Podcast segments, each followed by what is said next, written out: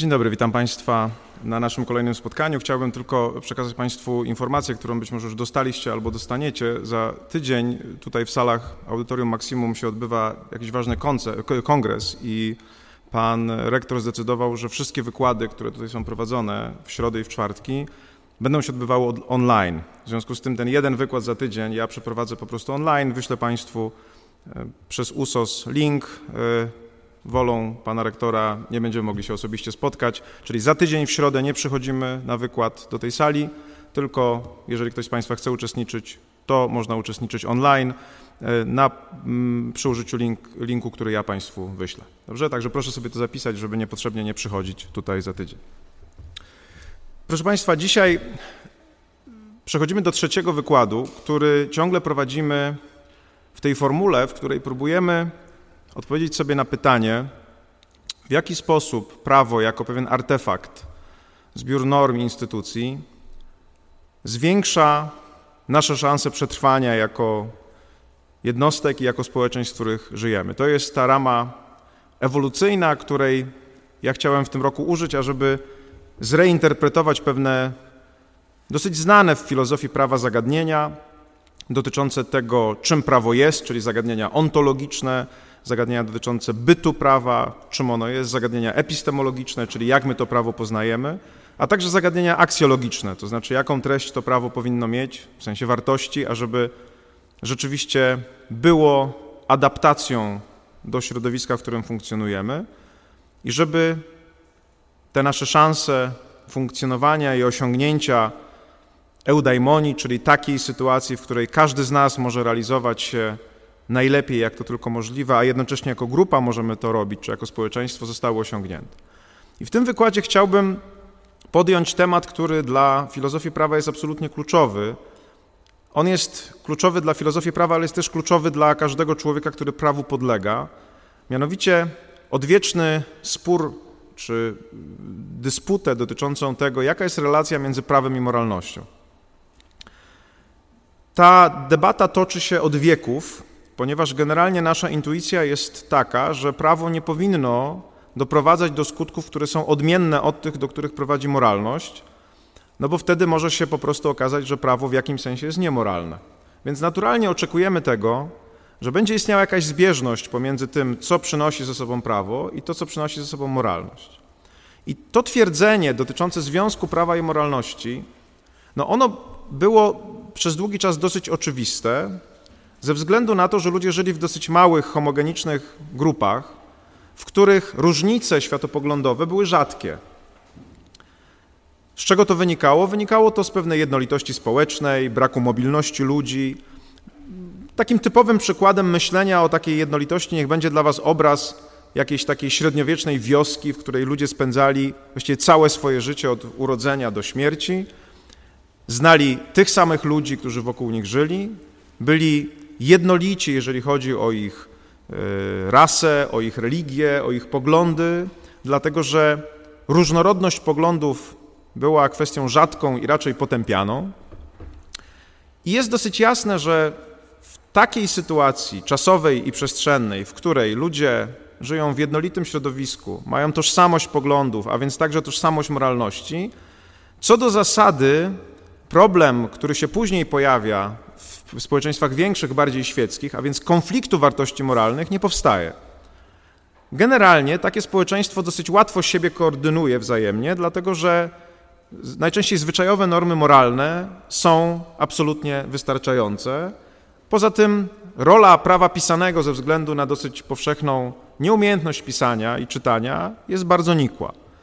W związku z tym takie społeczeństwo, powiedzielibyśmy, korzystając z koncepcji linearzy Rufgard Millikan, o której wspomniałem już kilka razy, linearzy, przez te linearze rozumiemy pewne praktyki społeczne polegające na kopiowaniu zachowań, które przynoszą pewne benefity.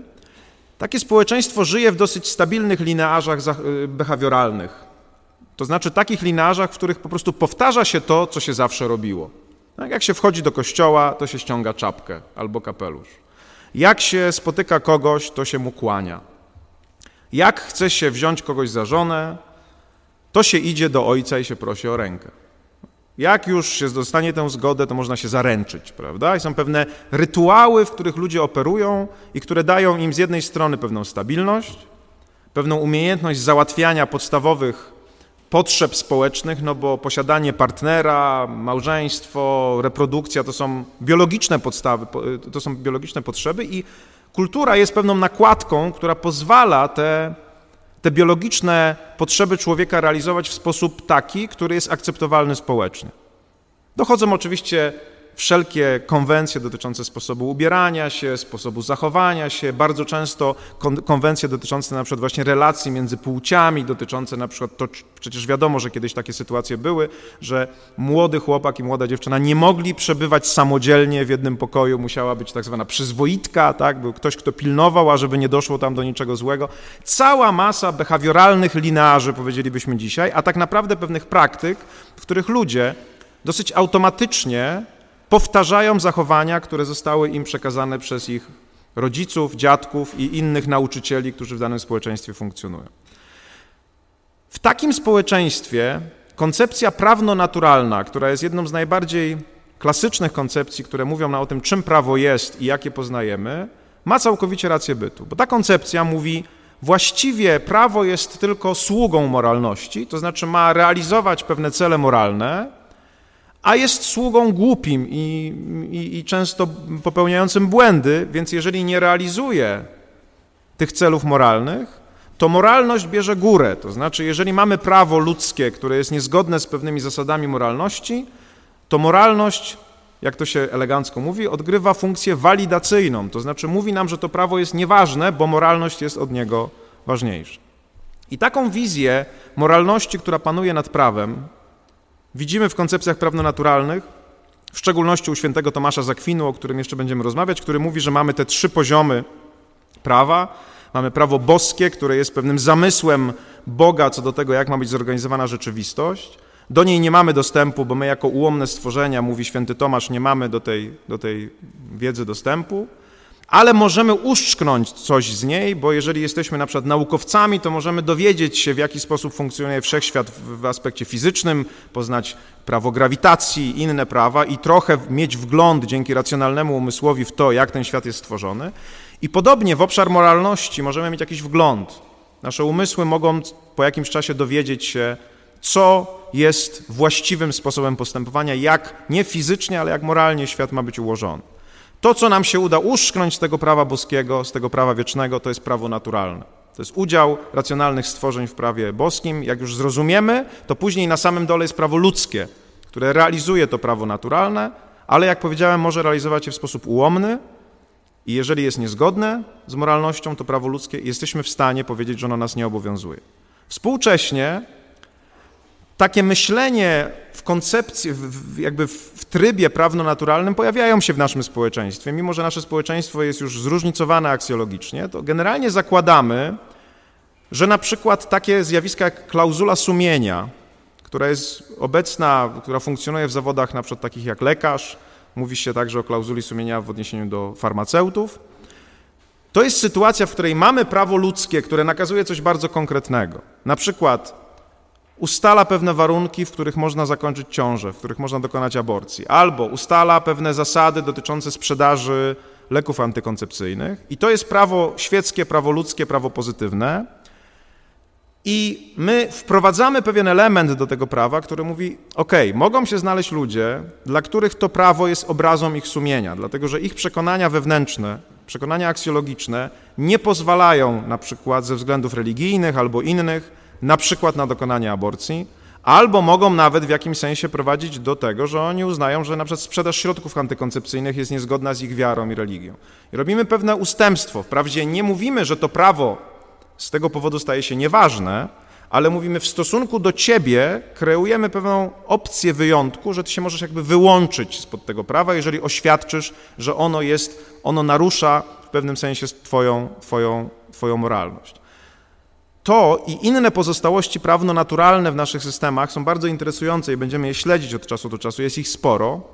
Natomiast dzisiaj chodzi mi o to tylko, żebyście zobaczyli właśnie tę zależność pomiędzy prawem i moralnością, którą przynosi ze sobą właśnie koncepcja prawno-naturalna, której właśnie najlepszym przedstawicielem jest święty Tomasz Zakwinu, E, my, kiedy dyskutujemy, to sięgamy często do takich e, tekstów, które mogą być zaskoczeniem na Uniwersytecie Świeckim, ale one także pokazują istotę prawno-naturalną, na przykład do encykliki Ewangelium Vitae Jana Pawła II, gdzie on opisuje sytuację e, Żydów w niewoli egipskiej, gdzie faraon wydaje rozkaz zabijania dzieci płci męskiej, to jest rozkaz ludzki, a położne nie przestrzegają tego zakazu, dlatego że niezgodne, on jest, one nie mogą się z nim zgodzić w sumieniu, ich moralność na to nie pozwala.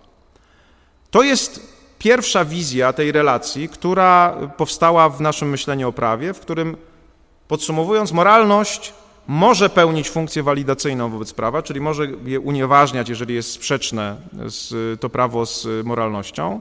I pewne pozostałości w, naszym, naszych systemach pozwalają pewnym osobom wyłączyć się na przykład z obowiązywania takiego prawa. Oczywiście to nie jest w pełni wyłączenie, bo one nie robią to własną wolą, tylko na podstawie innej normy prawnej, która jest normą prawa pozytywnego, która im pozwala odmówić przeprowadzenia zabiegu, ale to jest pozostałość pewnego szacunku dla ludzkiego sumienia. Oczywiście może zdarzyć się tak, że mamy do czynienia z normą prawa pozytywnego, prawa ludzkiego, która jest niezgodna z czyjąś moralnością i jednocześnie nie przewiduje żadnego wyjątku. Nie przewiduje żadnego wyjątku. Wtedy może dojść do sytuacji, którą nazywamy nieraz obywatelskim nieposłuszeństwem. To znaczy ktoś, kto uważa, że ta norma jest, narusza jego e, wartości moralne, może odmówić zastosowania siebie, się do tej normy w gotowości poniesienia kary. Albo na przykład może walczyć publicznie o to, żeby tę normę zlikwidować, ażeby, ażeby ona nie obowiązywała. Ale to też oczywiście jest zupełnie inna sytuacja niż bezpośrednia akcja moralności polegająca na unieważnieniu prawa. Teraz druga wielka koncepcja prawno-filozoficzna, czyli pozytywizm prawniczy, ma oczywiście zupełnie inne podejście do relacji między prawem i moralnością. Mówiliśmy już o tym, że w pewnym momencie w rozwoju ludzkości nastąpił, nastąpiła potrzeba rezygnacji w pewnym sensie z tradycyjnych wartości. Takim momentem kluczowym była Wielka Rewolucja Francuska, po której trzeba było budować społeczeństwa świeckie i wtedy pozytywizm wchodzi ze swoim pomysłem na to, w jaki sposób realizować te wartości. I ponieważ chce budować społeczeństwo świeckie oparte na nowych, wcale nienaturalnych wartościach, takich jak wolność, równość, braterstwo, równość na pewno nie była naturalną wartością w, w, tym czasie po rewolucji francuskiej, musi wprowadzić specjalne narzędzie, które opiera się na tak zwanej tezie o separacji, tezie o rozdziale prawa i moralności, która mówi, że moralność nie może, uniewa- nie, nie może unieważniać prawa. Może pełnić funkcję e, inspiracji do tworzenia prawa, może być związek treściowy między prawem i moralnością i taki często występuje. Dużo norm prawnych ma taką samą treść jak normy moralne, ale nie ma tego najważniejszego efektu, mianowicie w postaci moralności, która może prawo unieważnić. Ona w najnowszych wersjach filozofii prawa e, odwołuje się do takiego twierdzenia, że wśród kryteriów ważności prawa nie ma kryteriów moralnych. Można walczyć o zmianę niemoralnego prawa, można je krytykować, ale nie ma tam kryteriów moralnych.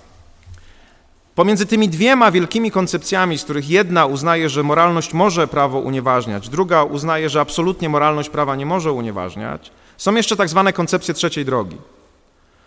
I te koncepcje trzeciej drogi, której dzisiaj jednej z nich będę chciał poświęcić trochę więcej czasu, one zakładają, że ta sytuacja nie jest zero-jedynkowa. To znaczy nie jest tak, że moralność zawsze może prawo unieważnić, nie jest tak, że moralność nigdy nie może prawa unieważnić, Natomiast zdarzają się takie sytuacje, w których niejako ta moralność wnika w prawo, szuka sobie jakiejś szczeliny w tym nawet pozytywistycznej wizji prawa i coś w tym prawie robi.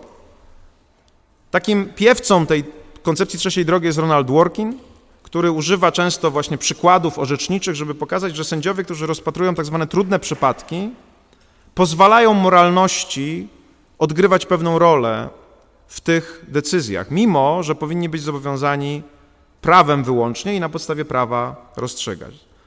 Tym najsłynniejszym kazusem, o którym Dworkin, od którego Dworkin zaczyna jakby ten atak na pozytywizm, który mówi prawo i moralność są oddzielone, moralność nie ma nic do powiedzenia, jeżeli chodzi o skuteczność, obowiązywanie prawa. Dworkin mówi, spójrzcie na taki kazus jak Riggs versus Palmer, w którym wnuk zabija dziadka, otruwa go, bo się obawia, że ten dziadek zmieni testament, i w związku z tym po śmierci wywołanej otruciem powstaje pytanie, czy wnuk Elmer ma dziedziczyć.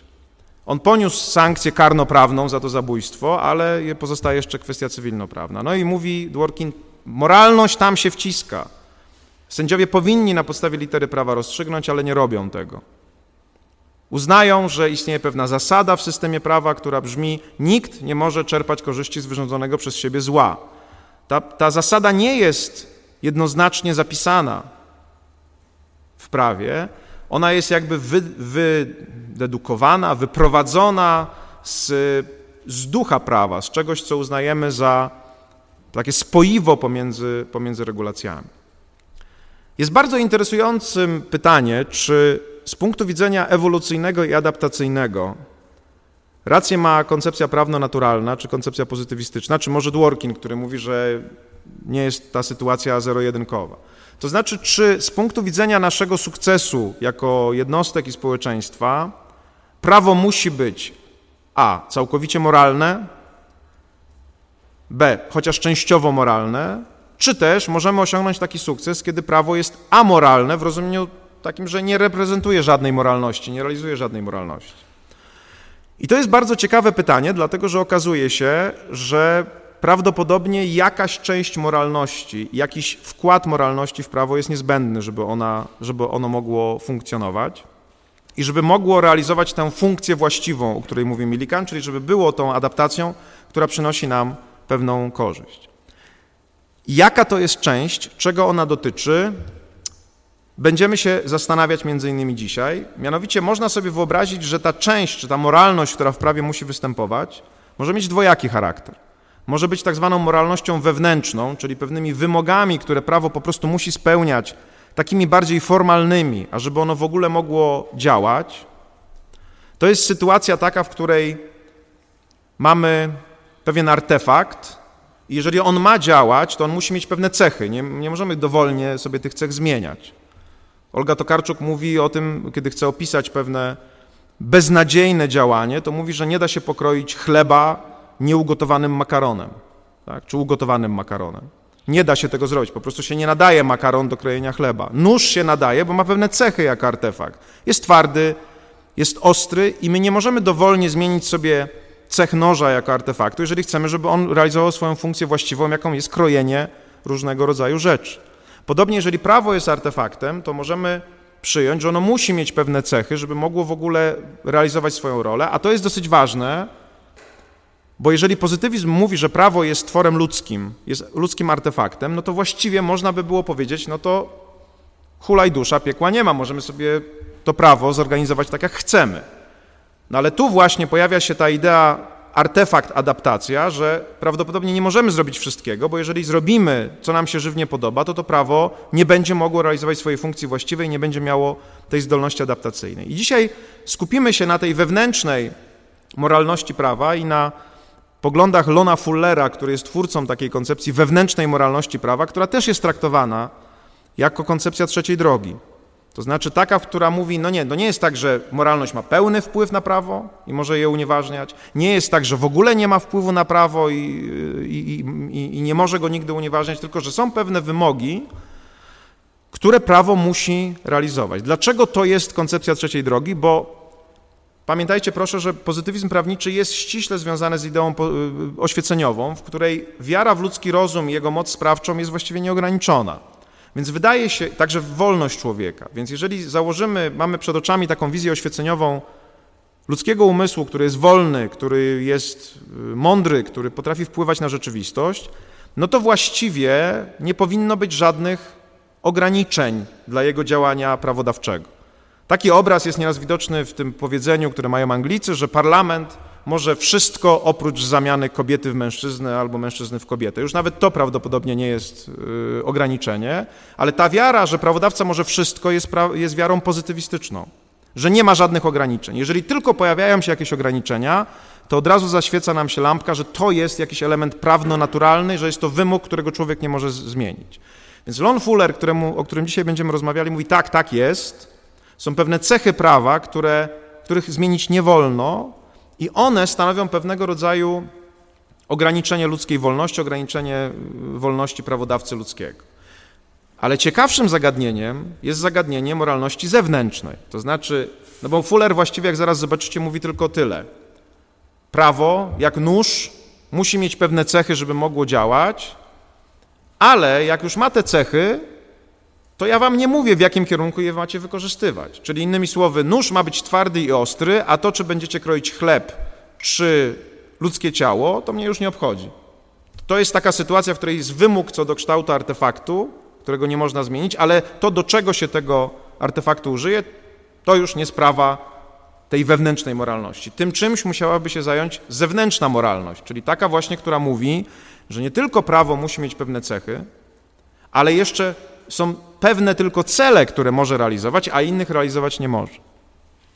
I teraz o tej zewnętrznej moralności też będziemy rozmawiać. Być może nie dzisiaj, dlatego że to jest osobny temat, ale chciałem zasygnalizować, że z kolei autorem, który mówi o tej zewnętrznej moralności, jest Herbert Hart, którego pracę też będziemy tutaj mocno analizować, bo jest to jeden z najważniejszych filozofów prawa XX wieku, który ku zaskoczeniu pozytywistów, bo sam był pozytywistą, po II wojnie światowej, być może pod wrażeniem właśnie tych, tego upadku pozytywizmu, który nastąpił wraz z nazizmem i z Auschwitz, mówi, istnieje coś takiego jak minimum prawa natury, nawet w systemie pozytywnym. I to nie jest minimum moralności wewnętrznej, tej, która mówi o tym, czym prawo musi być, żeby mogło pełnić swoją funkcję, ale to jest moralność zewnętrzna. Mówi Hart, jeżeli prawo ma regulować jakieś działanie w ramach społeczeństwa, to to społeczeństwo musi mieć możliwość przetrwania, żeby ono mogło w ogóle w nim funkcjonować. Więc jeżeli prawo jest prawem samobójców, jeżeli prawo niszczy społeczeństwo, jeżeli nie zawiera tego minimum, które pozwala temu społeczeństwu funkcjonować, no to to to jest sprzeczne także z ideą pozytywistyczną. I tutaj się pojawia bardzo ciekawa kwestia dotycząca właśnie tej zewnętrznej moralności. Czy prawo może realizować wszystkie środki dowolne, które sobie wybierzemy, czy też jest pewne ograniczenie? Zwróćcie uwagę, że ta dyskusja jest dyskusją, którą można przenieść na zupełnie inny poziom, który współcześnie w naszych społeczeństwach jest, kto wie, może nawet wam bliższy. Mimo, że jesteście prawnikami, no to nie o wszystkim myślicie w kategoriach prawa, więc pozwólcie, że ten spór przeniosę na na trochę wyższy poziom. Mianowicie jest to spór tak naprawdę o ludzką wolność. To znaczy o to, czy my prowadząc nasze życie, bo, bo, przecież prawo jest jakimś sposobem prowadzenia naszego życia, to, że ono jest sposobem, że są to normy formalnie ustanowione, akurat dlatego nie ma większego znaczenia, bo możemy sobie wyobrazić, dobrze, każdy z nas siada na początku swojego, powiedzmy, dorosłego życia, bo wcześniej trochę jak ci ludzie z tej wsi średniowiecznej, realizuje nieświadomie pewnie to, co mu każą rodzice, jest grzeczny, myje rączki, myje zęby, prawda, chodzi do szkoły, ale później nagle staje się jednostką niezależną i zaczyna sobie zadawać pytanie, ok, co ja chcę z moim życiem zrobić? No i powstaje pytanie, które jest tym samym pytaniem, które my rozważamy na poziomie prawa, czy ja jestem swoim własnym prawodawcą? Tak? Czy ja mogę sobie ustanowić normy absolutnie dowolne?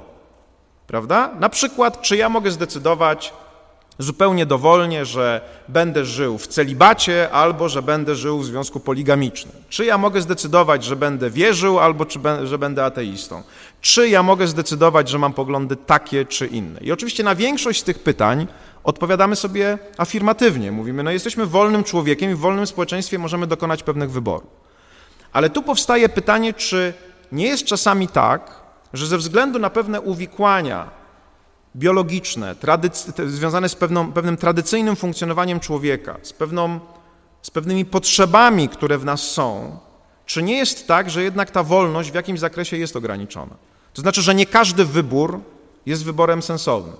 No, najprościej oczywiście to powiedzieć w sytuacjach, które w naszym życiu dotyczą takich normatywnych sytuacji, jak na przykład uzależnienie. Tak? Jestem wolny, no w związku z tym mam wolność korzystania z używek. No jeżeli zaczynam korzystać z używek, w tym uzależniających bardzo poważnie, takich jak, nie wiem, tytoń, alkohol, narkotyki, no to w pewnym momencie powstaje pytanie, czy moje wykorzystanie wolności ma jakieś ograniczenia z punktu widzenia tego, do czego ja dojdę. Tak? Bo jeżeli ja, korzystając z wolności, stworzę sobie własne reguły, które mnie doprowadzą nie do stanu eudaimonii, czyli do stanu, w którym ja kwitnę i rozwijam się i jestem najlepszą wersją siebie, tylko doprowadzą mnie do dna kompletnego, w którym ja nie jestem w stanie funkcjonować, jestem nieszczęśliwy, na skraju śmierci, nie mogę zbudować żadnego związku, nie mogę zbudować, nie, nie mogę pracować, no to powstaje pytanie, czy ta wolność mogła być rzeczywiście wykorzystana dla tego celu. I ja nie daję odpowiedzi na to pytanie, tylko pokazuję wam, że to jest ten sam spór. To znaczy, jeżeli zakładamy, że człowiek nie jest całkowicie wolny w swoich wyborach, bo są pewne wybory, których po prostu musi dokonać, żeby osiągnąć jakiś poziom szczęścia, to myślimy o naszym indywidualnym życiu w kategoriach prawno-naturalnych które są bardziej charakterystyczne dla myślenia religijnego, tradycyjnego. Jeżeli natomiast myślimy o naszym życiu jako o życiu, w którym nasz indywidualne, nasze indywidualne uniwersum normatywne jest pod naszym pełnym panowaniem i możemy sobie o wszystkim zdecydować, to wtedy w pewnym sensie myślimy w kategoriach świeckich, pozytywistycznych, w których my jesteśmy swoim osobistym prawodawcą.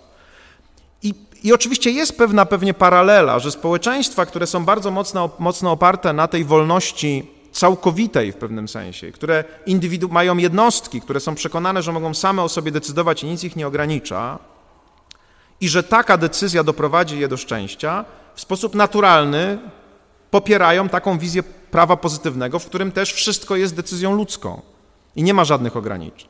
Te społeczeństwa, które są bardziej tradycyjne czy konserwatywne, robią inaczej. Uznają, że ponieważ człowiek, który funkcjonuje indywidualnie, nie jest jak gdyby swoim panem i swoim prawodawcą, tylko ma pewne ograniczenia, krótko mówiąc, można powiedzieć, że niektóre z jego wyborów są złe, a niektóre dobre, to znaczy, że także te wybory, które są na poziomie prawodawstwa dokonywane, też w taki sam sposób mogą być oceniane. I teraz zobaczcie, że ta sytuacja, z którą mamy do czynienia obecnie, wydaje się, to jest bardzo ciekawa sytuacja. Mianowicie po wybuchu tej wolności, która nastąpiła głównie po II wojnie światowej, po latach 60., gdzie różnego rodzaju procesy związane z emancypacją grup społecznych, także wolnością seksualną, która była związana na przykład z, z, kompletną zmianą związaną z życiem seksualnym, jakie wprowadziły leki antykoncepcyjne, które, powodowały, które spowodowały większą wolność kobiet, niezależność, nieprzywiązanie do tej, do tej funkcji biologicznej, jaką jest e, reprodukcja i, i rodzenie dzieci. Nagle mieliśmy w pewnym sensie renesans tej wolności, która uznała, w której uznaliśmy, że jesteśmy w stanie realizować właściwie w nieograniczony sposób nasze, nasze, nasze potrzeby.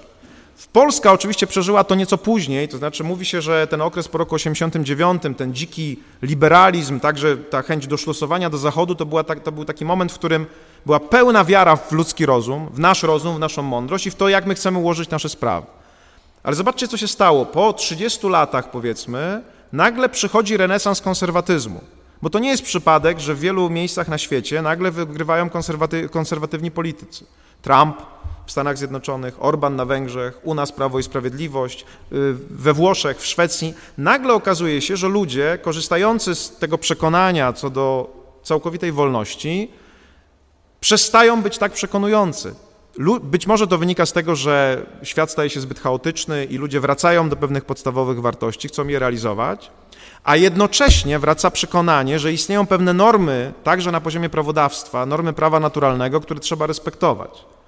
To jest proces, o którym ja opowiadam nieocennie, tylko go opisuję, bo nie wiem sam, która z tych dróg jest lepsza, ale chciałbym, żebyście zobaczyli, że istnieje tutaj pewna paralela pomiędzy decyzjami jednostkowymi i pytaniem, czy ja jestem panem swojego życia, czy też są jakieś ograniczenia, co do których muszę się stosować, i wizją prawodawstwa, w którym pytanie jest, brzmi, czy prawodawca jest całkowitym panem rzeczywistości, może zrobić absolutnie wszystko, czy też są pewne ograniczenia, które na niego spadają, wynikające, wynikające po prostu z ludzkiej, z ludzkiej, mm, z ludzkiej natury, tak moglibyśmy powiedzieć. Z tym, że już pytanie o ludzką naturę nie jest pytaniem oczywiście neutralnym. To jest pytanie już prawno-naturalne, bo w pewnym sensie, jeżeli jesteśmy sami tworem samych siebie, no to jesteśmy bardzo giętcy i podatni na zmiany i być może nie ma żadnej natury, którą mamy, a już na, na przykład natury wynikającej z biologii. To są pytania ważne i chciałem, na razie was z nimi zostawiam, pewnie będziemy jeszcze do nich wracać, ale nie ulega wątpliwości, że to podejście, o którym ja, na którym ja buduję te wykłady w tym roku, to znaczy to podejście zakładające, że prawo, a więc normy, instytucje mają funkcję adaptacyjną, to podejście zakłada, że istnieje jakaś natura ludzka, która w jakiś sposób realizuje się właściwie, a w inny sposób realizuje się niewłaściwie. My dokładnie nie wiemy, co jest właściwe, co jest niewłaściwe, ale wiemy, że istnieją dobre wybory i złe wybory. Że istnieją takie mutacje w naszym zachowaniu, które przynoszą nam sukces, i istnieją takie mutacje w naszym zachowaniu, które przynoszą nam porażkę. I przez te mutacje mam na myśli sytuacje, w których my wybieramy pewne zachowania, i albo postępujemy według tradycyjnych zachowań, albo od nich odchodzimy. Takie odejście od tradycyjnych zachowań jest zawsze pewnego rodzaju innowacją, jest potrzebne, dlatego że powoduje, produkuje nowe sposoby reagowania na, to, na problemy, które świat przed nami stawia, ale są związane te zmiany także z pewnymi ryzykami. I prawo także się z tym, także się z tym problemem musi jakoś zmagać. Zostawmy na razie tę kwestię tej moralności zewnętrznej. To jest wielki temat, o którym, tak jak powiedziałem, będziemy jeszcze wielokrotnie dyskutować. A dzisiaj skupmy się na czymś, co myślę bardziej pokazuje, dlaczego rzeczywiście prawo może być traktowane jako artefakt, i, czy, czyli na przykład tak jak, tak jak nóż, którym coś kroimy, i w związku z tym musi posiadać pewne cechy. Lon Fuller to był amerykański prawnik, który, o którym ja zawsze mówię, że to był taki przykład, który u nas reprezentuje pani profesor Ewa Łętowska. To znaczy człowiek, który rozpoczął swoją, swoją podróż prawniczą, intelektualną od pewnej konkretnego, bardzo dogmatycznego obszaru prawa, w zakresie prawa cywilnego, w zakresie prawa prywatnego, ale dzięki wybitnemu umysłowi, geniuszowi, nagle zauważył, że czegoś brakuje w pewnych ogólnych instrumentach, którymi prawo należy analizować i uogólnił pewną swoją wiedzę i odniósł ją do prawa w ogóle. Tak jak pani profesor Łętowska zaczynała od kwestii związanych z prawem konsumentów, ale później stała się jednym z najwybitniejszych naszych prawników, którzy wypowiadają się już na tematy ogólne dotyczące kwestii praw i wolności, kwestii konstytucji, relacji i nawet pewnych kwestii teoretycznych w prawie. Tak samo Fuller, rozpoczynając od pewnego wąskiego obszaru prawa, w pewnym momencie wszedł w starcie z Herbertem Hartem, o którym już tutaj mówiłem. Herbert Hart, pozytywista, przedstawił tę swoją tezę nie swoją, ale tezę pozytywistyczną o rozdziale prawa i moralności i wszedł w spór z Fullerem, który, mówi, że, który powiedział, że to tak do końca nie jest, że ta moralność nie odgrywa roli w tym, jak prawo funkcjonuje i w swojej słynnej książce Moralność prawa, fragment tej książki jest e, tekstem obowiązkowym na ćwiczeniach, więc jeżeli uczestniczycie w ćwiczeniach, tam będziecie go czytać. Opisał taką historię króla Rexa, która jest taką przypowieścią, ale bardzo mądrą przypowieścią, która pokazuje nam znaczenie tej wewnętrznej moralności prawa. I tego, do czego, ta, do czego ta moralność jest nam potrzebna i dlaczego właśnie prawo, jak nóż, musi pełnić pewne, pewne funkcje. Mianowicie opowiada Fuller historię młodego króla, który po śmierci swojego ojca z dużą werwą przystąpił do reformowania państwa i stwierdził, że z prawem jest kłopot, że prawo jest problematyczne w tym sensie, że nie realizuje tych funkcji, które powinno realizować. Właściwie można by było powiedzieć, jego podejście pewnie było takim podejściem quasi prawno-naturalnym. Uznał, że muszą istnieć pewne, że porządek świata powinien wyglądać inaczej niż ten, który prawo realizuje i zamierzał przeprowadzić reformę, powiedzmy sobie od razu, reformę, która się nie udała. I na tej podstawie Fuller pokazuje osiem cech prawa, osiem cech takiej wewnętrznej moralności prawa, a więc cech, które każde prawo musi pełnić, jeżeli w ogóle ma być prawem, jeżeli ma pełnić tę funkcję tego, tego, tego artefaktu. I pierwsza taka norma, czy pierwsza taka, taki wymóg to jest wymóg ogólności prawa. Mianowicie Rex w tym swoim pierwszym ruchu uznaje, że właściwie można by było powtórzyć wizję Hammurabiego i regulować nasze zachowania w sposób kazuistyczny, indywidualny wręcz. Na tej podstawie Fuller pokazuje, że tego typu działanie, tego typu pomysł nie jest dobrym pomysłem, ponieważ mamy mocne przekonanie, że prawo powinno być ogólne. To przekonanie jest nie tylko przekonaniem Fullera, ale na przykład jest przekonaniem Friedricha Hayeka, który w Konstytucji Wolności mówi wyraźnie, że jednym z podstawowych wymogów, ażeby realizowało się społeczeństwo oparte na wolności, jest to, żeby normy były generalne i abstrakcyjne. Co to znaczy? To znaczy, żeby nie dotyczyły jednostek jako indywidualnych postaci znanych z imienia i nazwiska, tylko żeby dotyczyły typów. Tu może się przydać taki, tak, takie rozróżnienie, które jest oczywiste, ale filozofia je ładnie nazywa, mianowicie rozróżnienie między typami i tokenami.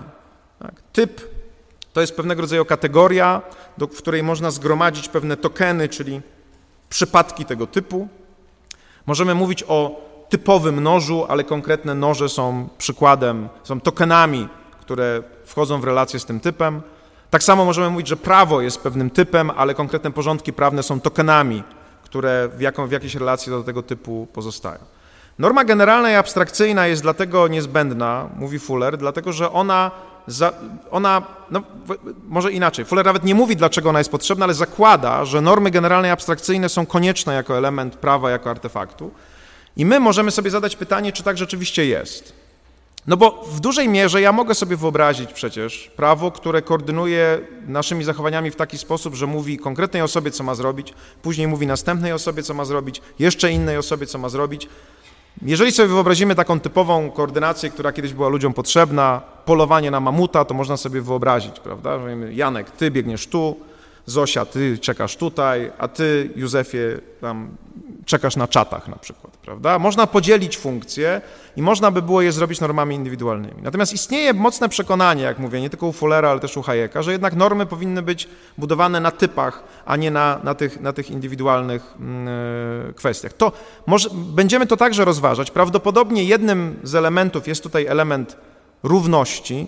Chodzi o to, żeby wszystkich, którzy spełniają pewne kryteria typu, wszystkie tokeny, które spełniają pewne kryteria typu, traktować tak samo. Jest tutaj także na pewno element efektywności, to znaczy z całą pewnością lepiej jest formułować normę o charakterze generalnym i abstrakcyjnym, bo ona dotyczy grup i zespołów zachowań, a nie konkretnych zachowań, więc jest to bardziej skuteczne. Natomiast wydaje się, że możemy tę, tę cechę prawa przeanalizować z perspektywy właśnie adaptacyjnej. Jeżeli jest tak, że prawo jest artefaktem, który lepiej lub gorzej realizuje swoją funkcję, to wszystko wskazuje na to, że prawo, które jest generalne i abstrakcyjne, realizuje tę funkcję lepiej niż prawo, które jest indywidualne i konkretne.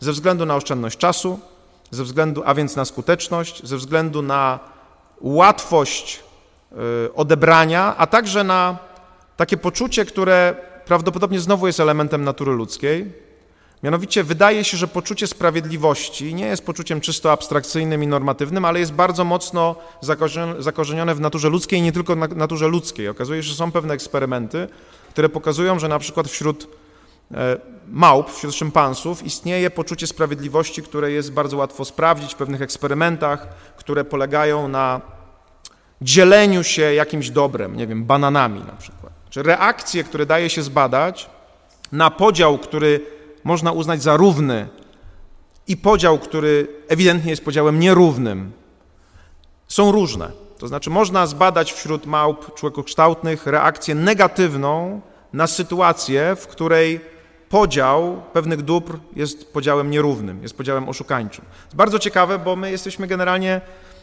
stoimy na stanowisku, że te takie wyższe uczucia normatywne, właśnie jak sprawiedliwość czy równość, one są naszym wynalazkiem, Okazuje się, że prawdopodobnie tak nie jest. Pewnego rodzaju przekonanie związane z zaufaniem, budowaniem jakiegoś związku, y, tego, tego, czy my możemy razem coś robić, jest oparte na mocnym, naturalnym poczuciu sprawiedliwości i to też pokazuje, że być może to przekonanie, że jeżeli mamy wiele indywidualnych norm, które traktują każdego z nas osobno, to przekonanie jest gorsze niż sytuacja, w której mamy normy, które traktują nas równo, dlatego że są generalne i abstrakcyjne. I na przykład odnoszą się do wszystkich kierowców, a nie tylko do niektórych odnoszą się do wszystkich przedsiębiorców, a nie tylko do niektórych, prawda? Jeszcze wybranych z imienia i nazwiska. Ten wymóg, pamiętajcie, on już w praktyce tworzenia prawa często jest naruszany, dlatego że jest bardzo łatwo stworzyć normę generalną i abstrakcyjną, która w konkretnym miejscu i czasie ma zastosowanie tylko do jednej osoby albo do grupy osób. Wydaje się na przykład, że kiedy były kształtowane pewne przepisy dotyczące polskiego Sądu Najwyższego jakieś tam 3-4 lata temu, te, które miały doprowadzić do usunięcia sędziów, Pewne limity wieków, które były ustalane, były ustalane w taki sposób, żeby pod te limity podpadały konkretne osoby, na przykład prezes Sądu Najwyższego. To jako prawnicy też musicie oczywiście rozpoznawać, bo byłoby głupim formalizmem przyjęcie, że jeżeli norma jest skonstruowana w języku generalnym i abstrakcyjnym, czyli mówi każdy, kto w następnym roku kończy 68 lat, ma zrezygnować z funkcji X, ale w danym kontekście i w danej instytucji jest tylko jedna osoba, która w następnym roku kończy 68 lat i to ona będzie musiała zrezygnować, to jest tak zwana norma fałszywie generalna i abstrakcyjna, ponieważ jej aplikacja doprowadza do w rzeczywistości wyciągnięcia jednej osoby. Z, podobną, z podobnym oszustwem, bo chyba tak to trzeba nazwać, mamy do czynienia nieraz na przykład w specyfikacjach zamówień publicznych, prawda? Jestem przedsiębiorcą, nie, nie jestem przedsiębiorcą, nie, jestem urzędnikiem, w gminie, czy w powiecie, czy gdzieś indziej jeszcze, no i muszę wykonać jakieś roboty budowlane.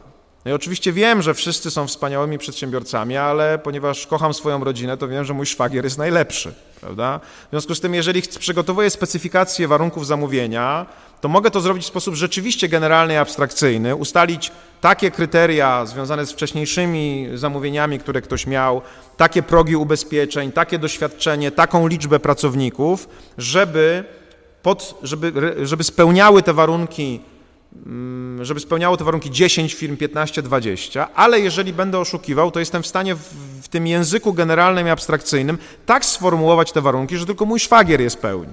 Tak? Dlatego, że wiem, ilu on ma pracowników, wiem, jakie ma doświadczenia, i w związku z tym mogę tak sformułować ten zapis specyfikacji, żeby mimo, że on będzie generalnie abstrakcyjny, tylko jedna osoba go spełniała.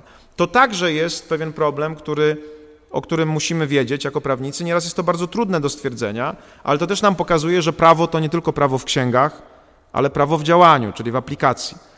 To podejście, na którym opieram ten, ten, ten cykl wykładów jest właśnie podejściem, które patrzy na to, w jaki sposób normy działają w rzeczywistości. Bo jeżeli norma ma być adaptacją, jeżeli prawo ma być naszą adaptacją do rzeczywistości, to my nie możemy zamknąć się w wieży z kości słoniowej i mówić, nie obchodzą nas skutki prawa. Cokolwiek się stanie, niech świat zniknie, byleby sprawiedliwości stało się zadość. No nie możemy tak mówić, dlatego że prawo w sposób naturalny jest pewnego rodzaju znakiem, pewnego rodzaju artefaktem, który oddziałuje na rzeczywistość. Zacząłem to nasze spotkania od tego cytatu z Borgesa, który mówi: Znalazłem encyklopedię, która wpływa na świat. Tak? Znalazłem zbiór znaków, który nagle zmienia rzeczywistość w taki sposób, że rzeczywistość staje się taka sama jak ta encyklopedia. Więc prawo działa w tym ujęciu. Dlatego właśnie nie patrzymy na abstrakcyjność i generalność norm wyłącznie w aspekcie formalnym, to znaczy, czy język tam użyty zawiera nazwy generalne i abstrakcyjne, tylko jak on po zastosowaniu do rzeczywistości tę generalność i abstrakcyjność realizuje. Bo może się okazać, że jest indywidualny i konkretny. Tak? Indywidualny i konkretny i, i wtedy, wtedy ta sytuacja jest co najmniej nadużyciem prawa, jeżeli, jak powiedziałem, jego, jego złamanie. Rex, który próbował najpierw regulować nasze życie w sposób, czy życie swoich poddanych w sposób y, kazuistyczny, zrezygnował z tego, rzeczywiście okazało się, że to nie jest możliwe. I Fuller mówi, że taką takim drugą próbą, którą Rex chciał, chciał podjąć, była sytuacja, w której przygotował kodeks, który był generalny i abstrakcyjny, ale zamknął go w szufladzie. W związku z tym nie ogłosił tego prawa i w momencie, w którym ludzie działali w jakiś sposób, dopiero ex post factum ujawniał, jaka norma reguluje te zachowania. Zwróćcie uwagę, że to, co zrobił Rex, nie jest retroaktywnością, bo to nie jest tak, że on ustanawiał tę regułę po zachowaniu i ją aplikował do tego, co zachowania, które było wcześniej. On ustanowił tę regułę wcześniej, ale jej nie ogłosił, czyli nie dokonał promulgacji. I oczywiste jest dla nas, że tego typu reguła jest, czy tego typu kodeks jest wadliwy. I Fuller to przyznaje. Fuller mówi, to jest kolejna cecha prawa, którą Rex złamał. Prawo musi być publiczne i musi być ogłoszone. To jest wymóg wewnętrznej moralności prawa. Prawo bez tego elementu nie może działać. Ale my znowu możemy zapytać, ale dlaczego nie może działać? No ano dlatego, że jeżeli narzucimy na to nasz, naszą perspektywę ewolucyjną i zakładamy, że prawo ma realizować pewne funkcje w społeczeństwie, to tą podstawową funkcją jest funkcja koordynująca. W jaki sposób prawo ma koordynować, nawet jeżeli jest zapisane w języku, jeżeli ten język nikomu nie został zakomunikowany? Z tego punktu widzenia promulgacja prawa, jego ogłoszenie, podanie do publicznej wiadomości jest kwestią absolutnie konieczną. Znowu nie ze względu na jakieś religijne wymogi co do prawa, tylko ze względu na jego, na to, że prawo jest artefaktem, który musi mieć pewne cechy, jeżeli ma pełnić pewne, pewne, pewne funkcje. Tu zwracam Waszą uwagę na to, że Fuller nie pokazuje oczywiście tego, że jego osiem cech wewnętrznych, wewnętrznej moralności prawa to są cechy jakoś wymagane przez tę przez to ewolucyjne podejście do prawa, czy traktowanie prawa jako artefakt, ale jeżeli zestawimy te dwie wizje, czyli tę jego wewnętrzną moralność prawa z tym podejściem, o którym ja mówię tutaj, to nagle okazuje się, że one są kompatybilne. To właśnie z tego powodu prawo musi być ogłoszone, bo jeżeli nie będzie ogłoszone, to nie będzie mogło koordynować ludzkich zachowań, a więc nie będzie mogło przynosić tej swojej funkcji właściwej, a więc nie będzie mogło zwiększać naszej, na, naszej wartości przeżycia. Oczywiście możemy znowu dyskutować, jak ten wymóg funkcjonuje we współczesnym społeczeństwie, gdzie absolutnie nie ma możliwości, ażeby każdy zapoznawał się z każdym aktem prawnym, bo tych aktów jest po prostu za dużo. I tu myślę, możecie dostrzec y, y, pewne wymogi, które się już formułuje na poziomie nawet praw człowieka. Ktoś może zapytać, dlaczego prawa człowieka, y, czy standardy praw człowieka wymagają, ażeby w danym państwie istniała niezależna i efektywna pomoc prawna w postaci adwokatów, radców prawnych, innych specjalistów. Wydaje się, że to nie jest takie prawo pierwszej potrzeby. Tak? Prawo do godności, prawo do wolności, prawo do równości wydaje się, że jest no, prawem takim mocnym, takim twardym, oczywistym, ale prawo do adwokata, prawo do radcy prawnego lub prawo do pomocy prawnej, bo jeszcze jak ktoś jest oskarżony, to wiemy, że prawo do obrońcy to jest też takie twarde prawo, ale w ogóle dlaczego na przykład jest tak, że państwa autorytarne, które atakują niezależnych prawników, adwokatów, radców prawnych, także są nacenzurowane, jeżeli chodzi o naruszenie praw człowieka?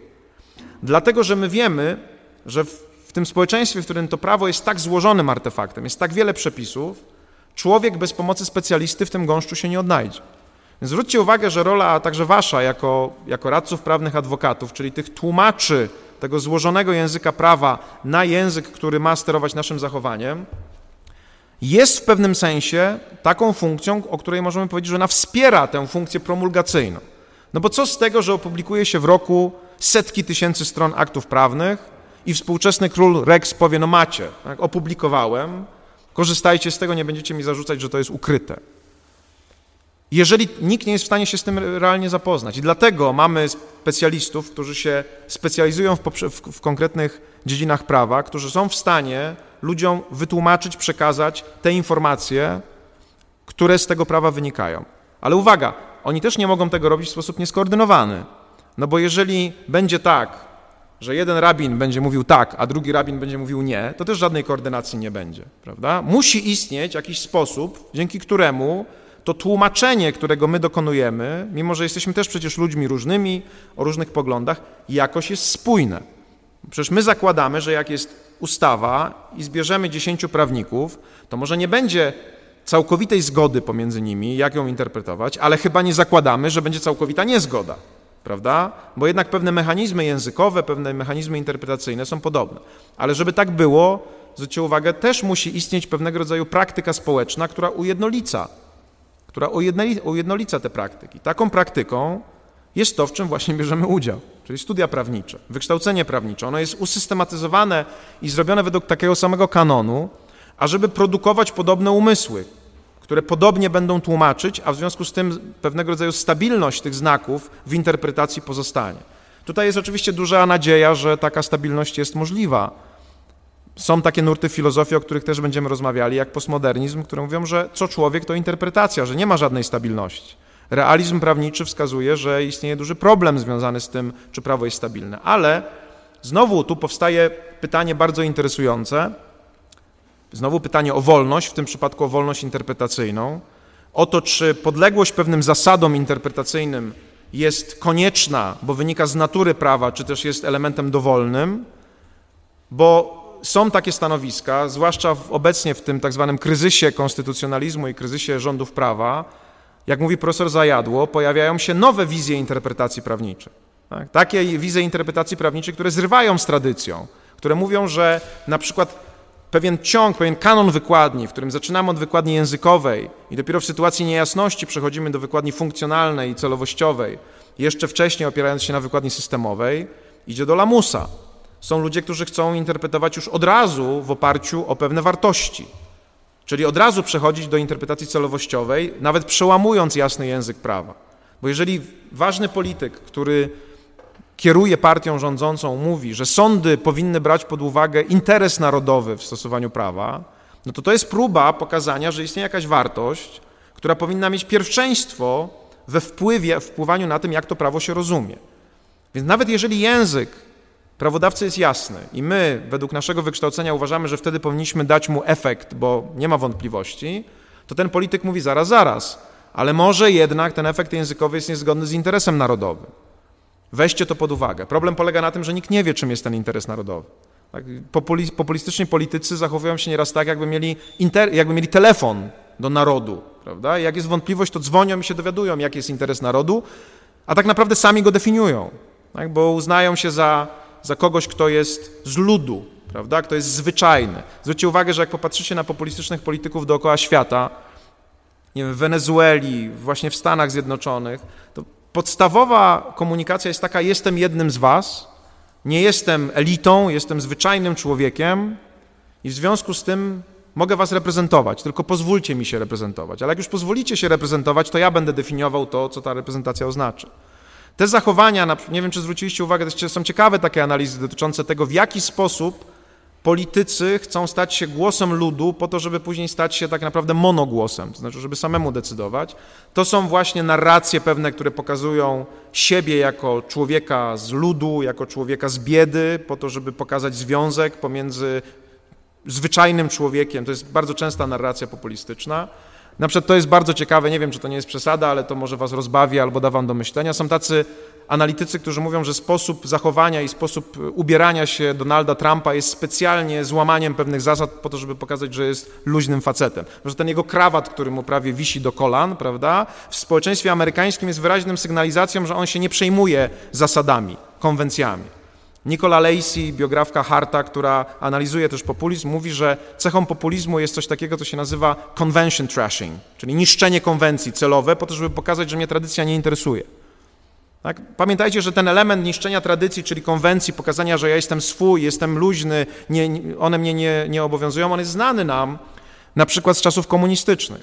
Miś Barei jest tak naprawdę w dużej mierze opowieścią o złamaniu konwencji. Pamiętacie, jak się kończy miś, prawda? Kończy się tą sytuacją, gdzie ci węglarze, taki stary węglarz siedzą przy ognisku i zaczynają śpiewać kolendę i ten węglarz mówi, że tradycja to nie jest coś takiego, co można sobie wymyślić, co można sobie stworzyć ad hoc.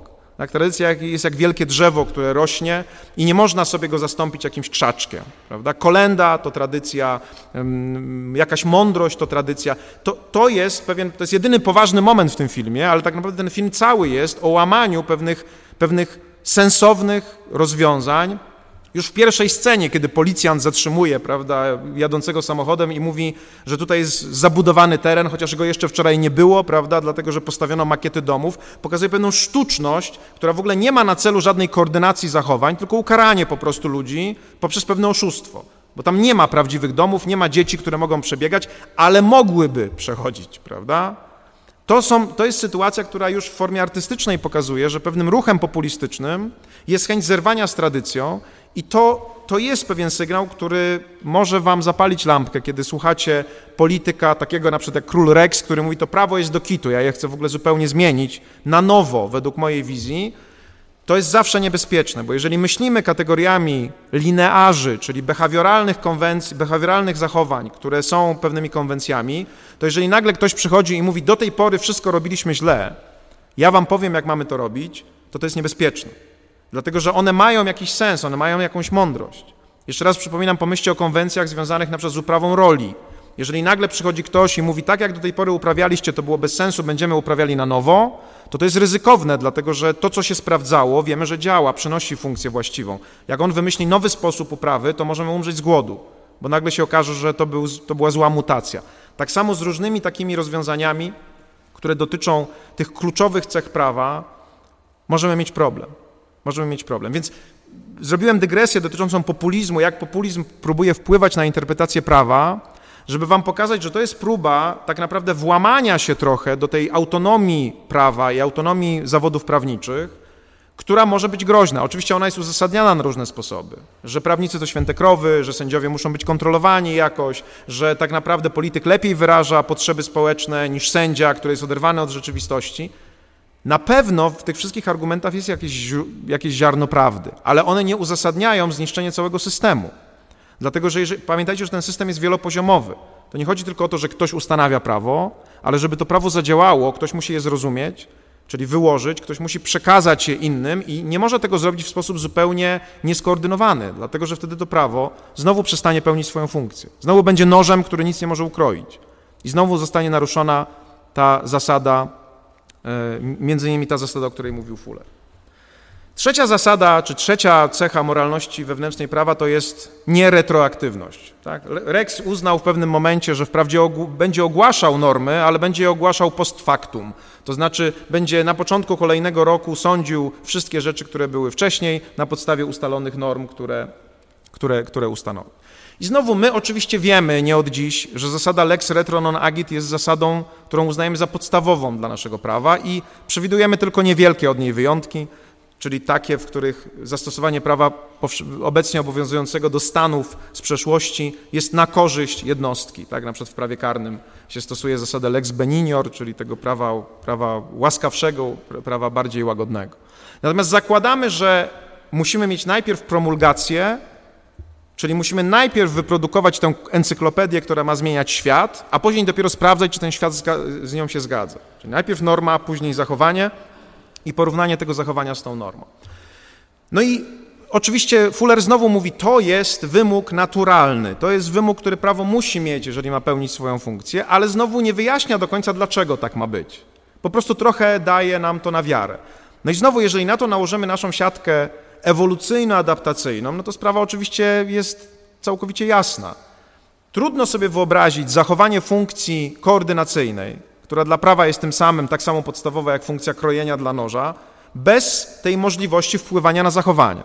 No bo pomyślcie, jeżeli jest tak, że najpierw macie zachowania, a później dopiero normę, no to biorąc pod uwagę normalne zasady czasu i przestrzeni, ludzie, którzy zachowają, zachowują się tu i teraz, nie mogą się orientować według normy, która dopiero powstanie.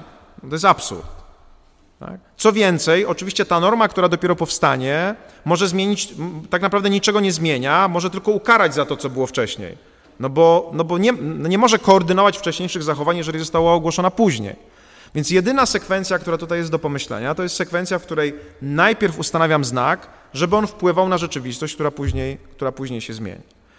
więc jest jasne, że Fuller ma rację, ale brakuje tutaj trochę tego uzasadnienia, które moim zdaniem dostarcza dopiero to podejście ewolucyjne, adaptacyjne, czyli zachowanie funkcji właściwej prawa.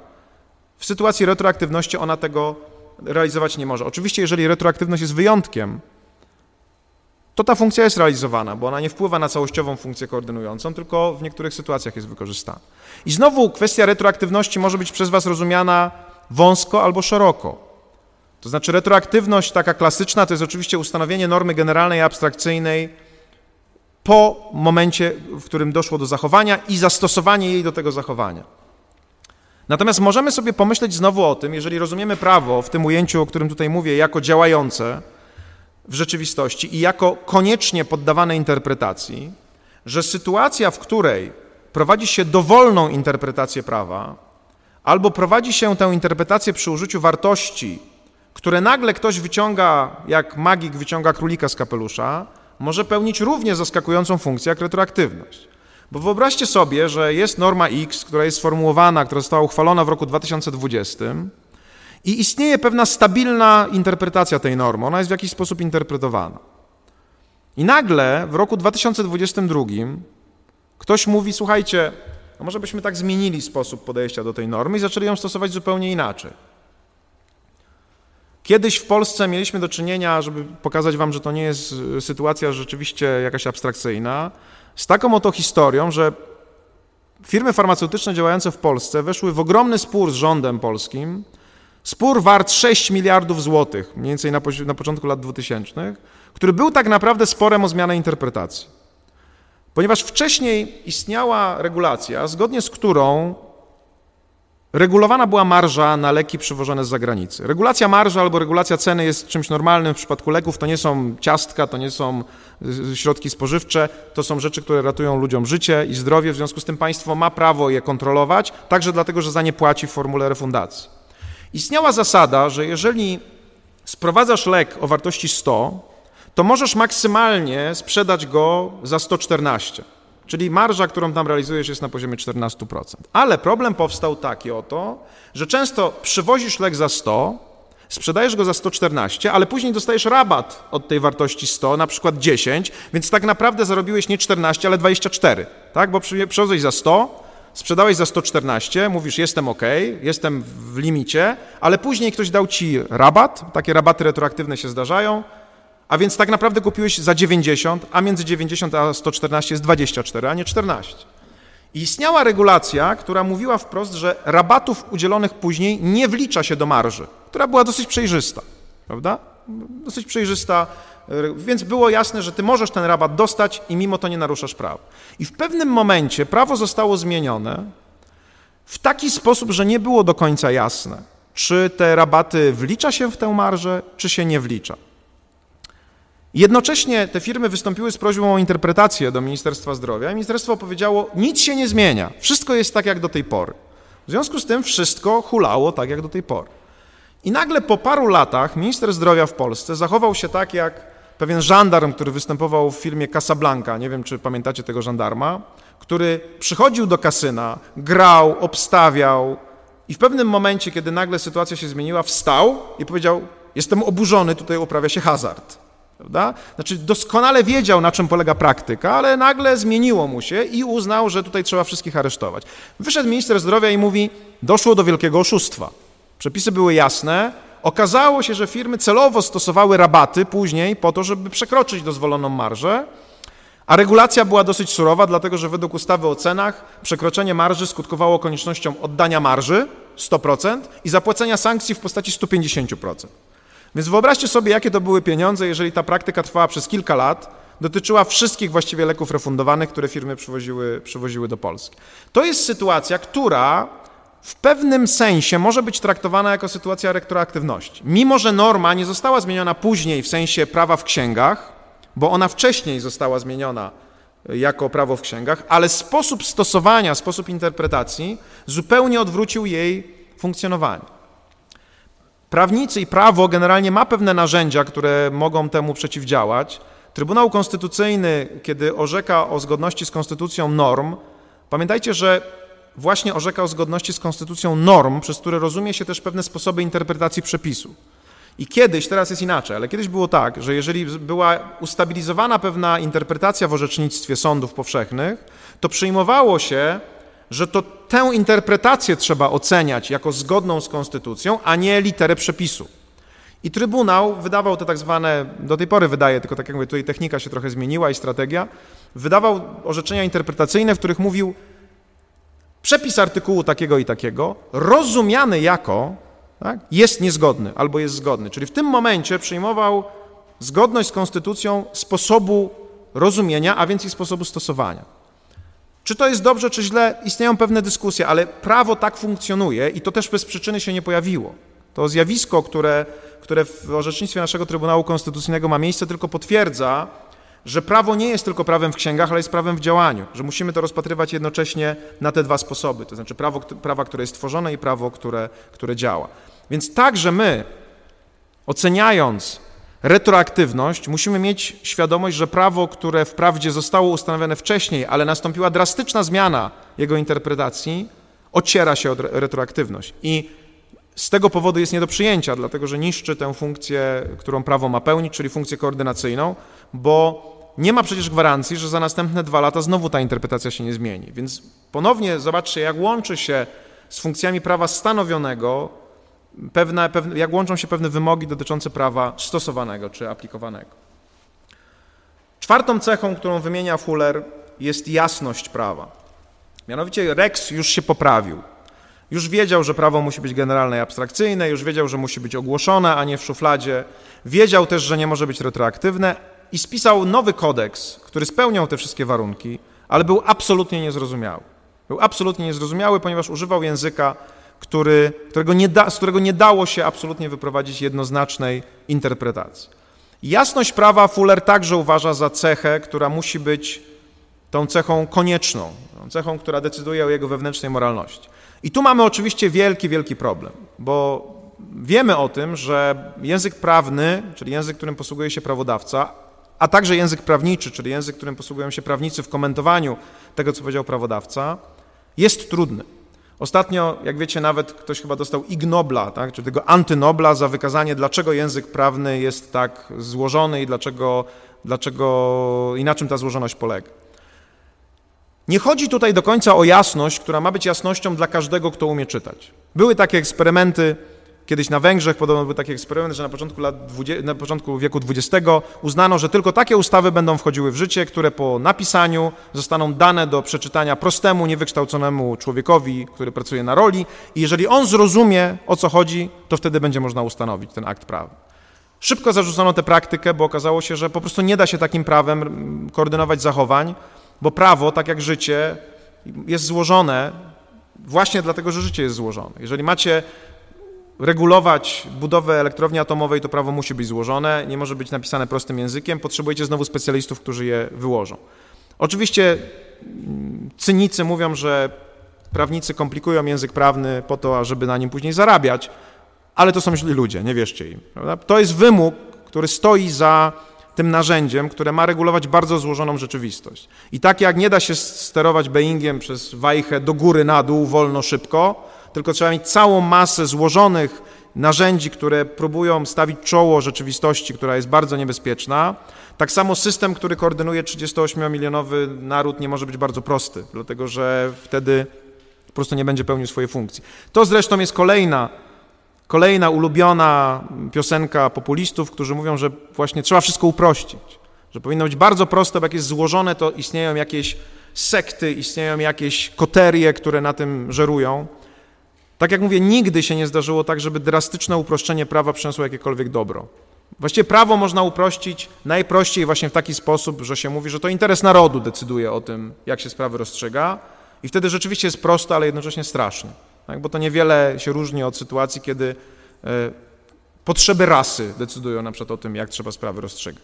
W związku z tym nie dajcie się zwieść tej takiej prostocie naiwnej, natomiast jest dla nas też zrozumiałe, że i wie to także Trybunał Konstytucyjny z naszego orzecznictwa Trybunału Konstytucyjnego to wynika, że jeżeli normy, które mają regulować nasze działanie, są niejasne w sensie ścisłym, to znaczy nie dlatego, że posługują się językiem złożonym czy technicznym, bo paradoksalnie język techniczny często jest precyzyjny, mimo że dla laika jest niezrozumiały.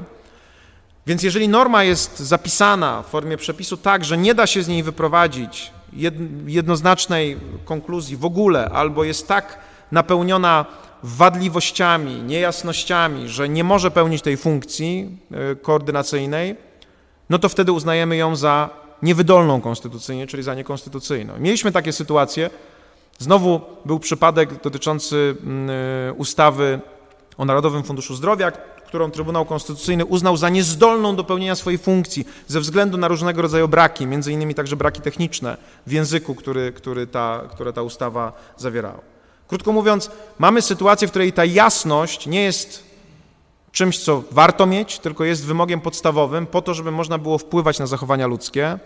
I mimo, że nie da się jej osiągnąć całkowicie, będziemy rozmawiali też na tych wykładach o pewnej cesze języka prawnego i w ogóle języka, jaką jest otwarta struktura, czyli open texture. To jest taka cecha, która pokazuje, że jak formułujemy normy w języku generalnym i abstrakcyjnym, w języku typów, to nigdy nie jesteśmy w stanie przewidzieć wszystkich tokenów, które się pojawią, które będą podpadały pod ten język.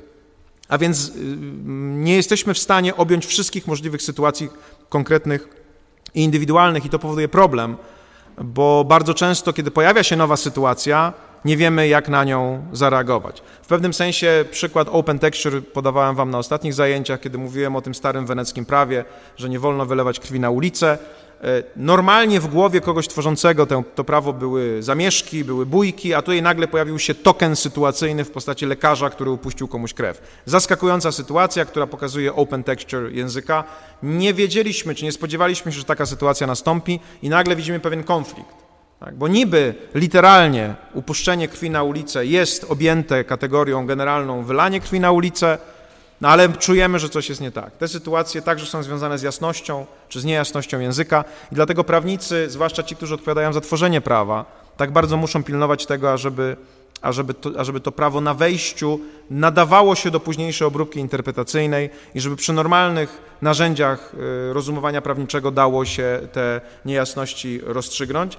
Zwróćcie uwagę ponownie na sytuację taką, że Rozstrzyganie niejasności znowu może stać się bronią, która powoduje, że prawo przestaje pełnić swoją funkcję, jeżeli rozstrzyga się te niejasności dowolnie.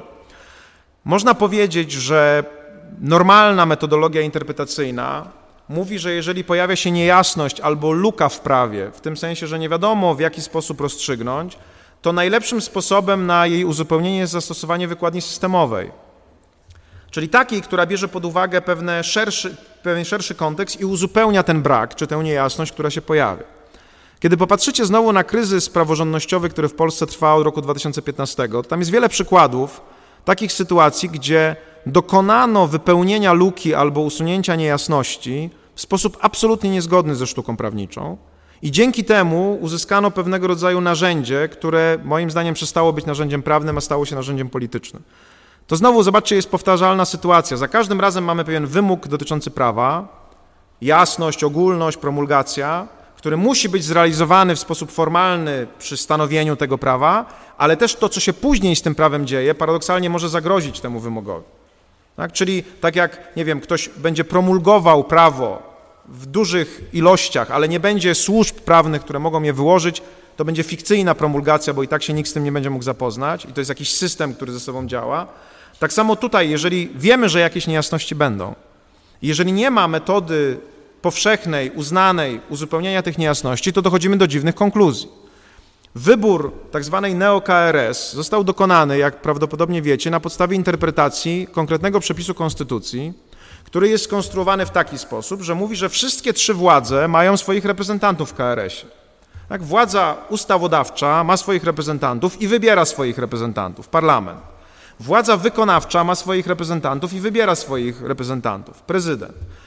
I w trzecim miejscu, w którym chodziło o reprezentację władzy e, sądowniczej, tekst konstytucji nie jest do końca jasny dla niektórych, bo on mówi, że tę reprezentację wybiera się spośród sędziów, ale nie mówi, kto wybiera.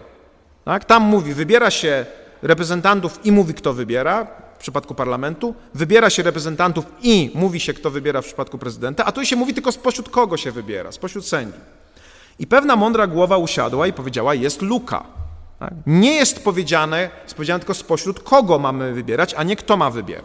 Jest luka, to prawda, ona jest uzasadniona, no bo tak jak prezydent wiadomo kim jest, parlament wiadomo co to jest, to środowisko sędziowskie jest bardzo trudno jednoznacznie określić, w związku z tym konstytucja nie mówiła, że środowisko sędziowskie wybiera przedstawicieli. Wydawało się to oczywiste ze struktury. Wskazuje się podmiot, który wybiera i, i on ma swoich reprezentantów. Podmiot, który wybiera, ma swoich reprezentantów, a tutaj tylko swoich reprezentantów. Więc na podstawie interpretacji, która miała wypełnić tę lukę, uznano, że tych sędziów może wybierać parlament. No i ktoś może zapytać, co w tym złego? No to, że to, jeżeli spojrzy się na systemowość tego rozwiązania, czyli Krajowa Rada Sądownictwa jest miejscem, gdzie spotykają się wszystkie trzy władze, jest powołana do strzeżenia niezawisłości sędziów i niezależności sądownictwa. Artykuł 10 mówi o równowadze władz. To chyba trochę nie fair jest, że parlament wybiera swoich przedstawicieli i jeszcze wybiera przedstawicieli sędziów. Albo, jak ktoś mówił, jeżeli jest przestrzeń wolna, to właściwie można ją wypełnić dowolnie, no to może niech Krajowa Rada Radiofonii i Telewizji wybiera na przykład tych sędziów. No też jest w Konstytucji, prawda? Dlaczego nie? Jeżeli możemy zdecydować dowolnie, kto ma wybierać, no to może wybierzmy ten podmiot. I zwróćcie uwagę, że ten trik, bo tak to trzeba nazwać prawniczy, polegający na tym, że niejasność wypełniono w sposób niezgodny z systemem, i, wy, i wszystkim, wszystkich przekonano, właściwie taka informacja poszła publicznie, że skoro konstytucja zostawia przestrzeń, to politycy mogą ją wypełnić dowolnie, jest sytuacją, w której wypełnienie niejasności, zdaniem wielu prawników i wielu sądów, jak się okazuje, doprowadziło do dysfunkcjonalności tego rozwiązania bo to, ta KRS, która powstała z takiego właśnie wyboru, jest przez, sądow, przez orzecznictwo sądowe i opinię prawników traktowana jako, jako niewypełniająca swojej funkcji. I chyba rzeczywiście jej nie wypełnia w sensie takim, takim praktycznym. Tu to jest przykład bardzo konkretny, gdzie wypełnienie tej niejasności w sposób, który nie jest zgodny ze sztuką prawniczą, która patrzy systemowo na konstytucję i na pewne wartości, które tam są zawarte, doprowadziło do dysfunkcjonalności. Szósta cecha prawa to jest cecha, z którą, co do której pewnie nie ma wielkiej, wielkiej dyskusji. Aha, przepraszam, no, zapomniałem powiedzieć o oczywistym, że prawo jasne ma zdolność koordynowania, prawo niejasne zdolności koordynowania nie ma. No więc znowu łączę to po prostu z tą funkcją prawa, jaką jest koordynacja, tak jak funkcją noża jest krojenie. Prawo ma być niesprzeczne. E, ta sytuacja znowu jest przez Fullera przedstawiana e, w taki oto sposób, że Rex e, wyjaśnił wszystkie przepisy, ale wyjaśnił je w taki sposób, że nakazywały rzeczy ze sobą sprzeczne. Nakazywały A i zakazywały A jednocześnie. I znowu Fuller mówi, takie prawo nie może funkcjonować, każąc nam w to wierzyć i my oczywiście jesteśmy tutaj łatwowierni, bo wiemy, że prawo ma bardzo dużo różnych narzędzi, które rozstrzygają sprzeczności prawda? Tak zwane reguły kolizyjne, z którymi wszyscy jesteście obeznani, są narzędzia usuwania sprzeczności. Lex specialis derogat legi generali, lex superior derogat legi inferiori, prawda? To są takie narzędzia, które, zwróćcie uwagę, nie są nigdzie wprost zapisane w prawie, ale są dorobkiem doktryny prawniczej, mądrości interpretacyjnej naszej, które mówią, no musimy usunąć te niezgodności, dlatego, że inaczej prawo nie, można, nie będzie mogło działać. Ale pytanie brzmi, dlaczego nie będzie mogło działać? No znowu daje nam odpowiedź ta borgesowska encyklopedia. Jeżeli świat jest taki, jaki jest, w którym byt jest, a nie bytu nie ma, tertium non datur, prawda? No to nie mogę mieć sytuacji, w której encyklopedia, która ma się stać światem, mówi ma być A i nie ma być A. Tak? No bo jeżeli mam takie dwa przepisy, no to nie jestem w stanie ich zrealizować w tym samym świecie, bo nasz świat jest taki, że może albo być A, albo może go nie być. Więc jeżeli przepis mi mówi ma być A i nie ma być A, no to nie jestem w stanie w ogóle zmienić rzeczywistości. Jeżeli ja teraz powiem wstańcie, wstańcie usiądźcie, tak? czyli jednocześnie wydam dwa rozkazy, które są ze sobą sprzeczne, bo nie da się tego zrobić jednocześnie, to prawdopodobnie pozostaniecie w tym samej pozycji, w której jesteście. Tak? Albo jeszcze lepiej, bo to będzie spełnienie jednej z tych norm. Jeżeli powiem, yy, przedstawię jakieś inne sprzeczne ze sobą dwa rozkazy, no to będziecie skonfundowani. To znaczy nie będziecie one nie będą mogły wpłynąć na wasze zachowanie, bo w świecie nie da się zrealizować jednocześnie dwóch sprzecznych działań. No w związku z tym znowu Fuller oczywiście ma tutaj genialną intuicję, że tak jest, że prawo, które jest sprzeczne, narusza te zasady wewnętrznej moralności, ale my możemy dzięki tej naszej siatce ewolucyjnej, adaptacyjnej powiedzieć, my wiemy dlaczego narusza.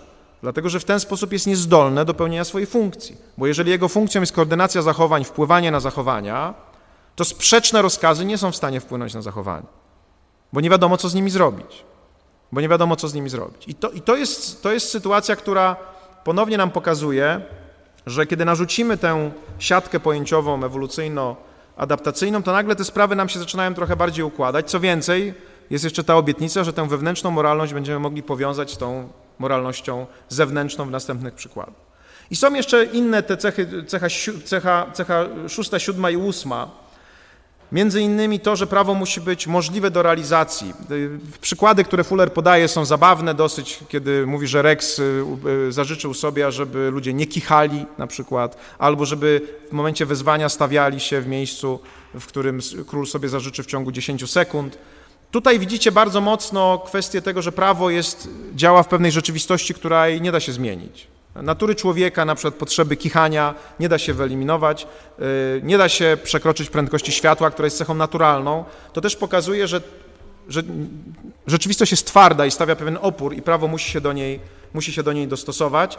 W związku z tym też jest to pewien wymóg naturalny, bez którego prawo swojej funkcji nie będzie mogło pełnić.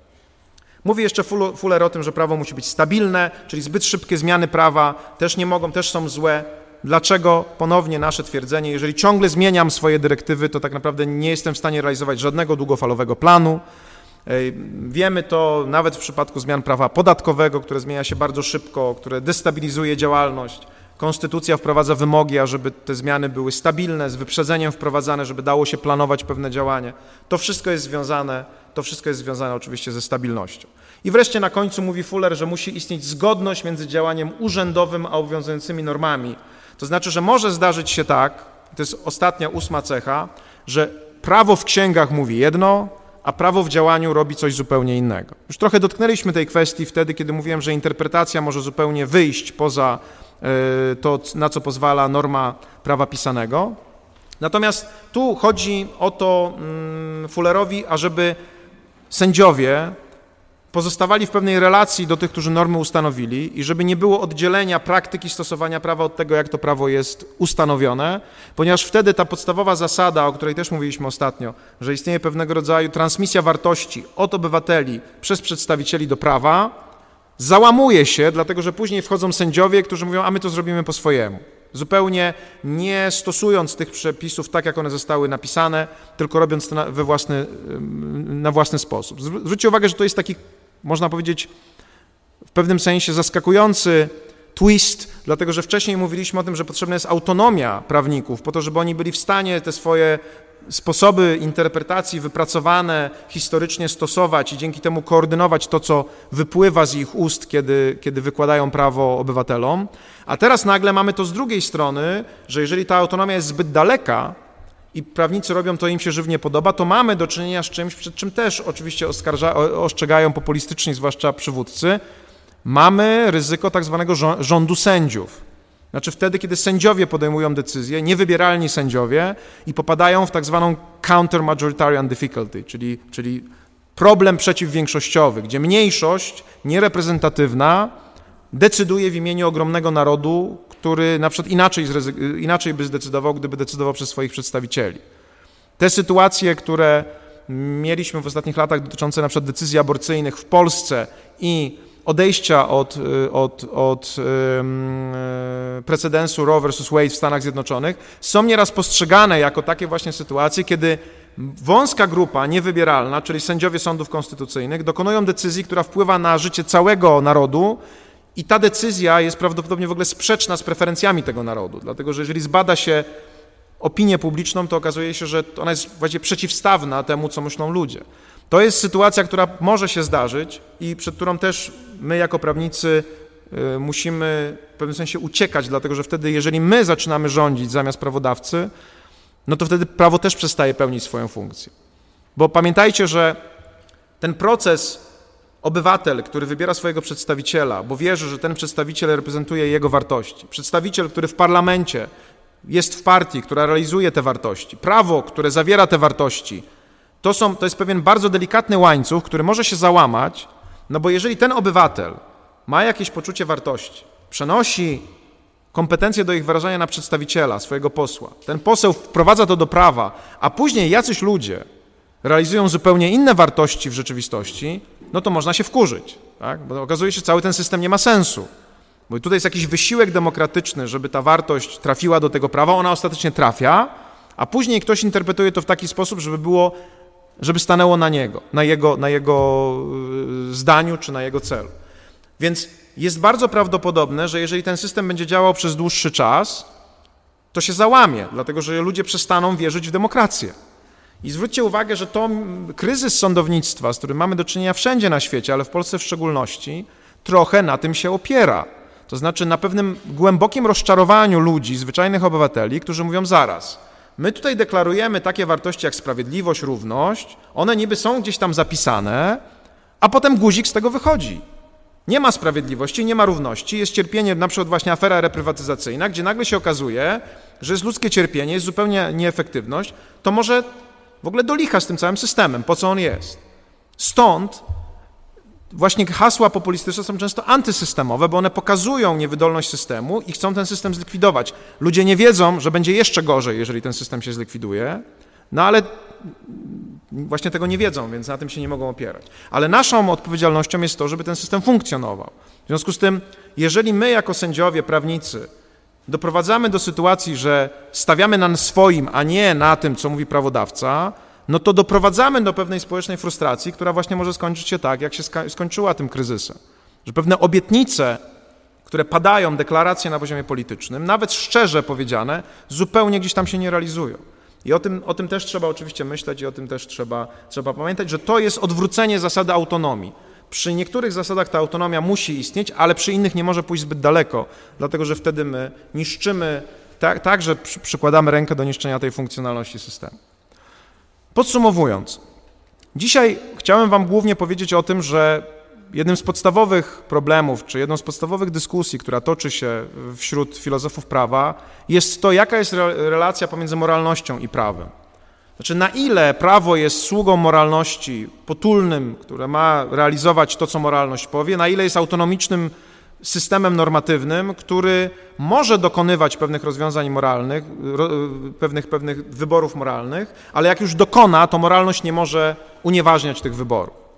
I Początkowo bardzo krótko pokazałem Wam pewną ewolucję tego, jak y, to przekonanie o związku ścisłym prawa i moralności nadawało się, czy mogło funkcjonować w społeczeństwach homogenicznych, małych i jak później potrzebowaliśmy innego rozwiązania, które dostarczył pozytywizm prawniczy, który głosi tezę o rozdziale prawa i moralności, a więc o tym, że, prawo nie może że moralność nie może prawa unieważniać. Ale tak naprawdę chodziło mi o to, żeby postawić pytanie istotne dla tej ramy, y, w której prowadzę ten wykład, to znaczy, czy adaptacyjna funkcja prawa, czy patrzenie na prawa jak, jako na adaptację w rozumieniu teorii ewolucji zaaplikowanej do kultury, wymaga obecności moralności. Jak powiedziałem, wydaje się, że tak. Na pewno wymaga moralności na dwóch poziomach. Na poziomie moralności wewnętrznej i jej dzisiaj poświęciliśmy głównie uwagę i posługiwaliśmy się tutaj koncepcją Fullera, jego ośmioma zasadami wewnętrznej moralności prawa, które starałem się Wam przedstawić jako wymogi w pewnym sensie oczywiste, jeżeli prawo ma w ogóle być zdolne do pełnienia, pełnienia swojej funkcji właściwej. Czyli tak jak nóż musi mieć pewne cechy, żeby kroił, tak prawo musi mieć pewne cechy, żeby mogło koordynować. Jeżeli nie ma tych cech, o których mówił Fuller, to w ogóle nie mamy co gadać o moralności zewnętrznej, czyli tej, do której ma prowadzić, no bo ono do niczego nie doprowadzi, bo po prostu nie ułoży społeczeństwa i go nie skoordynuje. Te rozważania Fullera, one mają może tę wadę, że Fuller każe nam wierzyć, że te osiem cech jest koniecznych, ale do końca nie mówi dlaczego. Ta rama ewolucyjno-adaptacyjna pokazuje, dlaczego tak jest. Po prostu prawo, żeby pełniło tę funkcję, takie cechy po, musi, musi posiadać. Na następnych zajęciach będziemy rozmawiali o różnych aspektach tych, tej, tej moralności i wewnętrznej, i zewnętrznej, ale poświęcimy też trochę czasu dyskusji, czy oprócz tej wewnętrznej moralności jakaś sprecyzowana, specyficzna moralność zewnętrzna musi prawu przyświecać, żeby ono mogło funkcjonować. Jakby przebłyski takiego myślenia są widoczne u Harta, gdzie on mówi o tym minimum prawa natury albo minimum moralności w systemie pozytywno-prawnym. To może być zaskakujące, bo wydawałoby się, że w prawie świeckim, w prawie społeczeństwa sekularnego, takiej sytuacji, że jakaś moralność jest dana i nie może być inna, byśmy się nie spodziewali. Starałem się też w czasie tego spotkania pokazać Wam, że te rozważania, które prowadzimy na poziomie relacji takiej abstrakcyjnej, pozytywizm, prawo natury, moralność, regulacje prawne, można sprowadzić do dyskusji, przed którą staje każdy z nas. To znaczy, czy my jesteśmy swoim samym prawo, własnym prawodawcą? Czy mamy możliwość dokonania, ustanowienia sobie samym reguł, które są dowolne, czy też też jesteśmy ograniczeni naszą naturą, naturą świata, tym, co przynosi ludziom szczęście, czy to mm, tym, czym, co, co przynosi ludziom rozpacz. To są ciekawe pytania, dlatego że współcześnie prawo musimy rozumieć na tych dwóch poziomach, uważam, psychologicznym i społecznym i będziemy jeszcze w czasie tych spotkań także o tych sprawach rozmawiać. W jaki sposób normy, konwencje, które działają na poziomie państwowym czy społecznym, można rozpatrywać na poziomie indywidualnym. Moje doświadczenie jest takie, że wtedy się je lepiej rozumie, kiedy je się sprowadzi do swojego własnego postępowania i właśnie zacznie sobie siebie wyobrażać jako swojego indywidualnego prawodawcę. Czy macie jakieś pytania do tej treści? Jeżeli nie, to dziękuję i przypominam jeszcze raz, że za tydzień mamy zdalny y, wykład online, bo ta sala będzie zajęta. Y, dostaniecie link i zapraszam do uczestnictwa.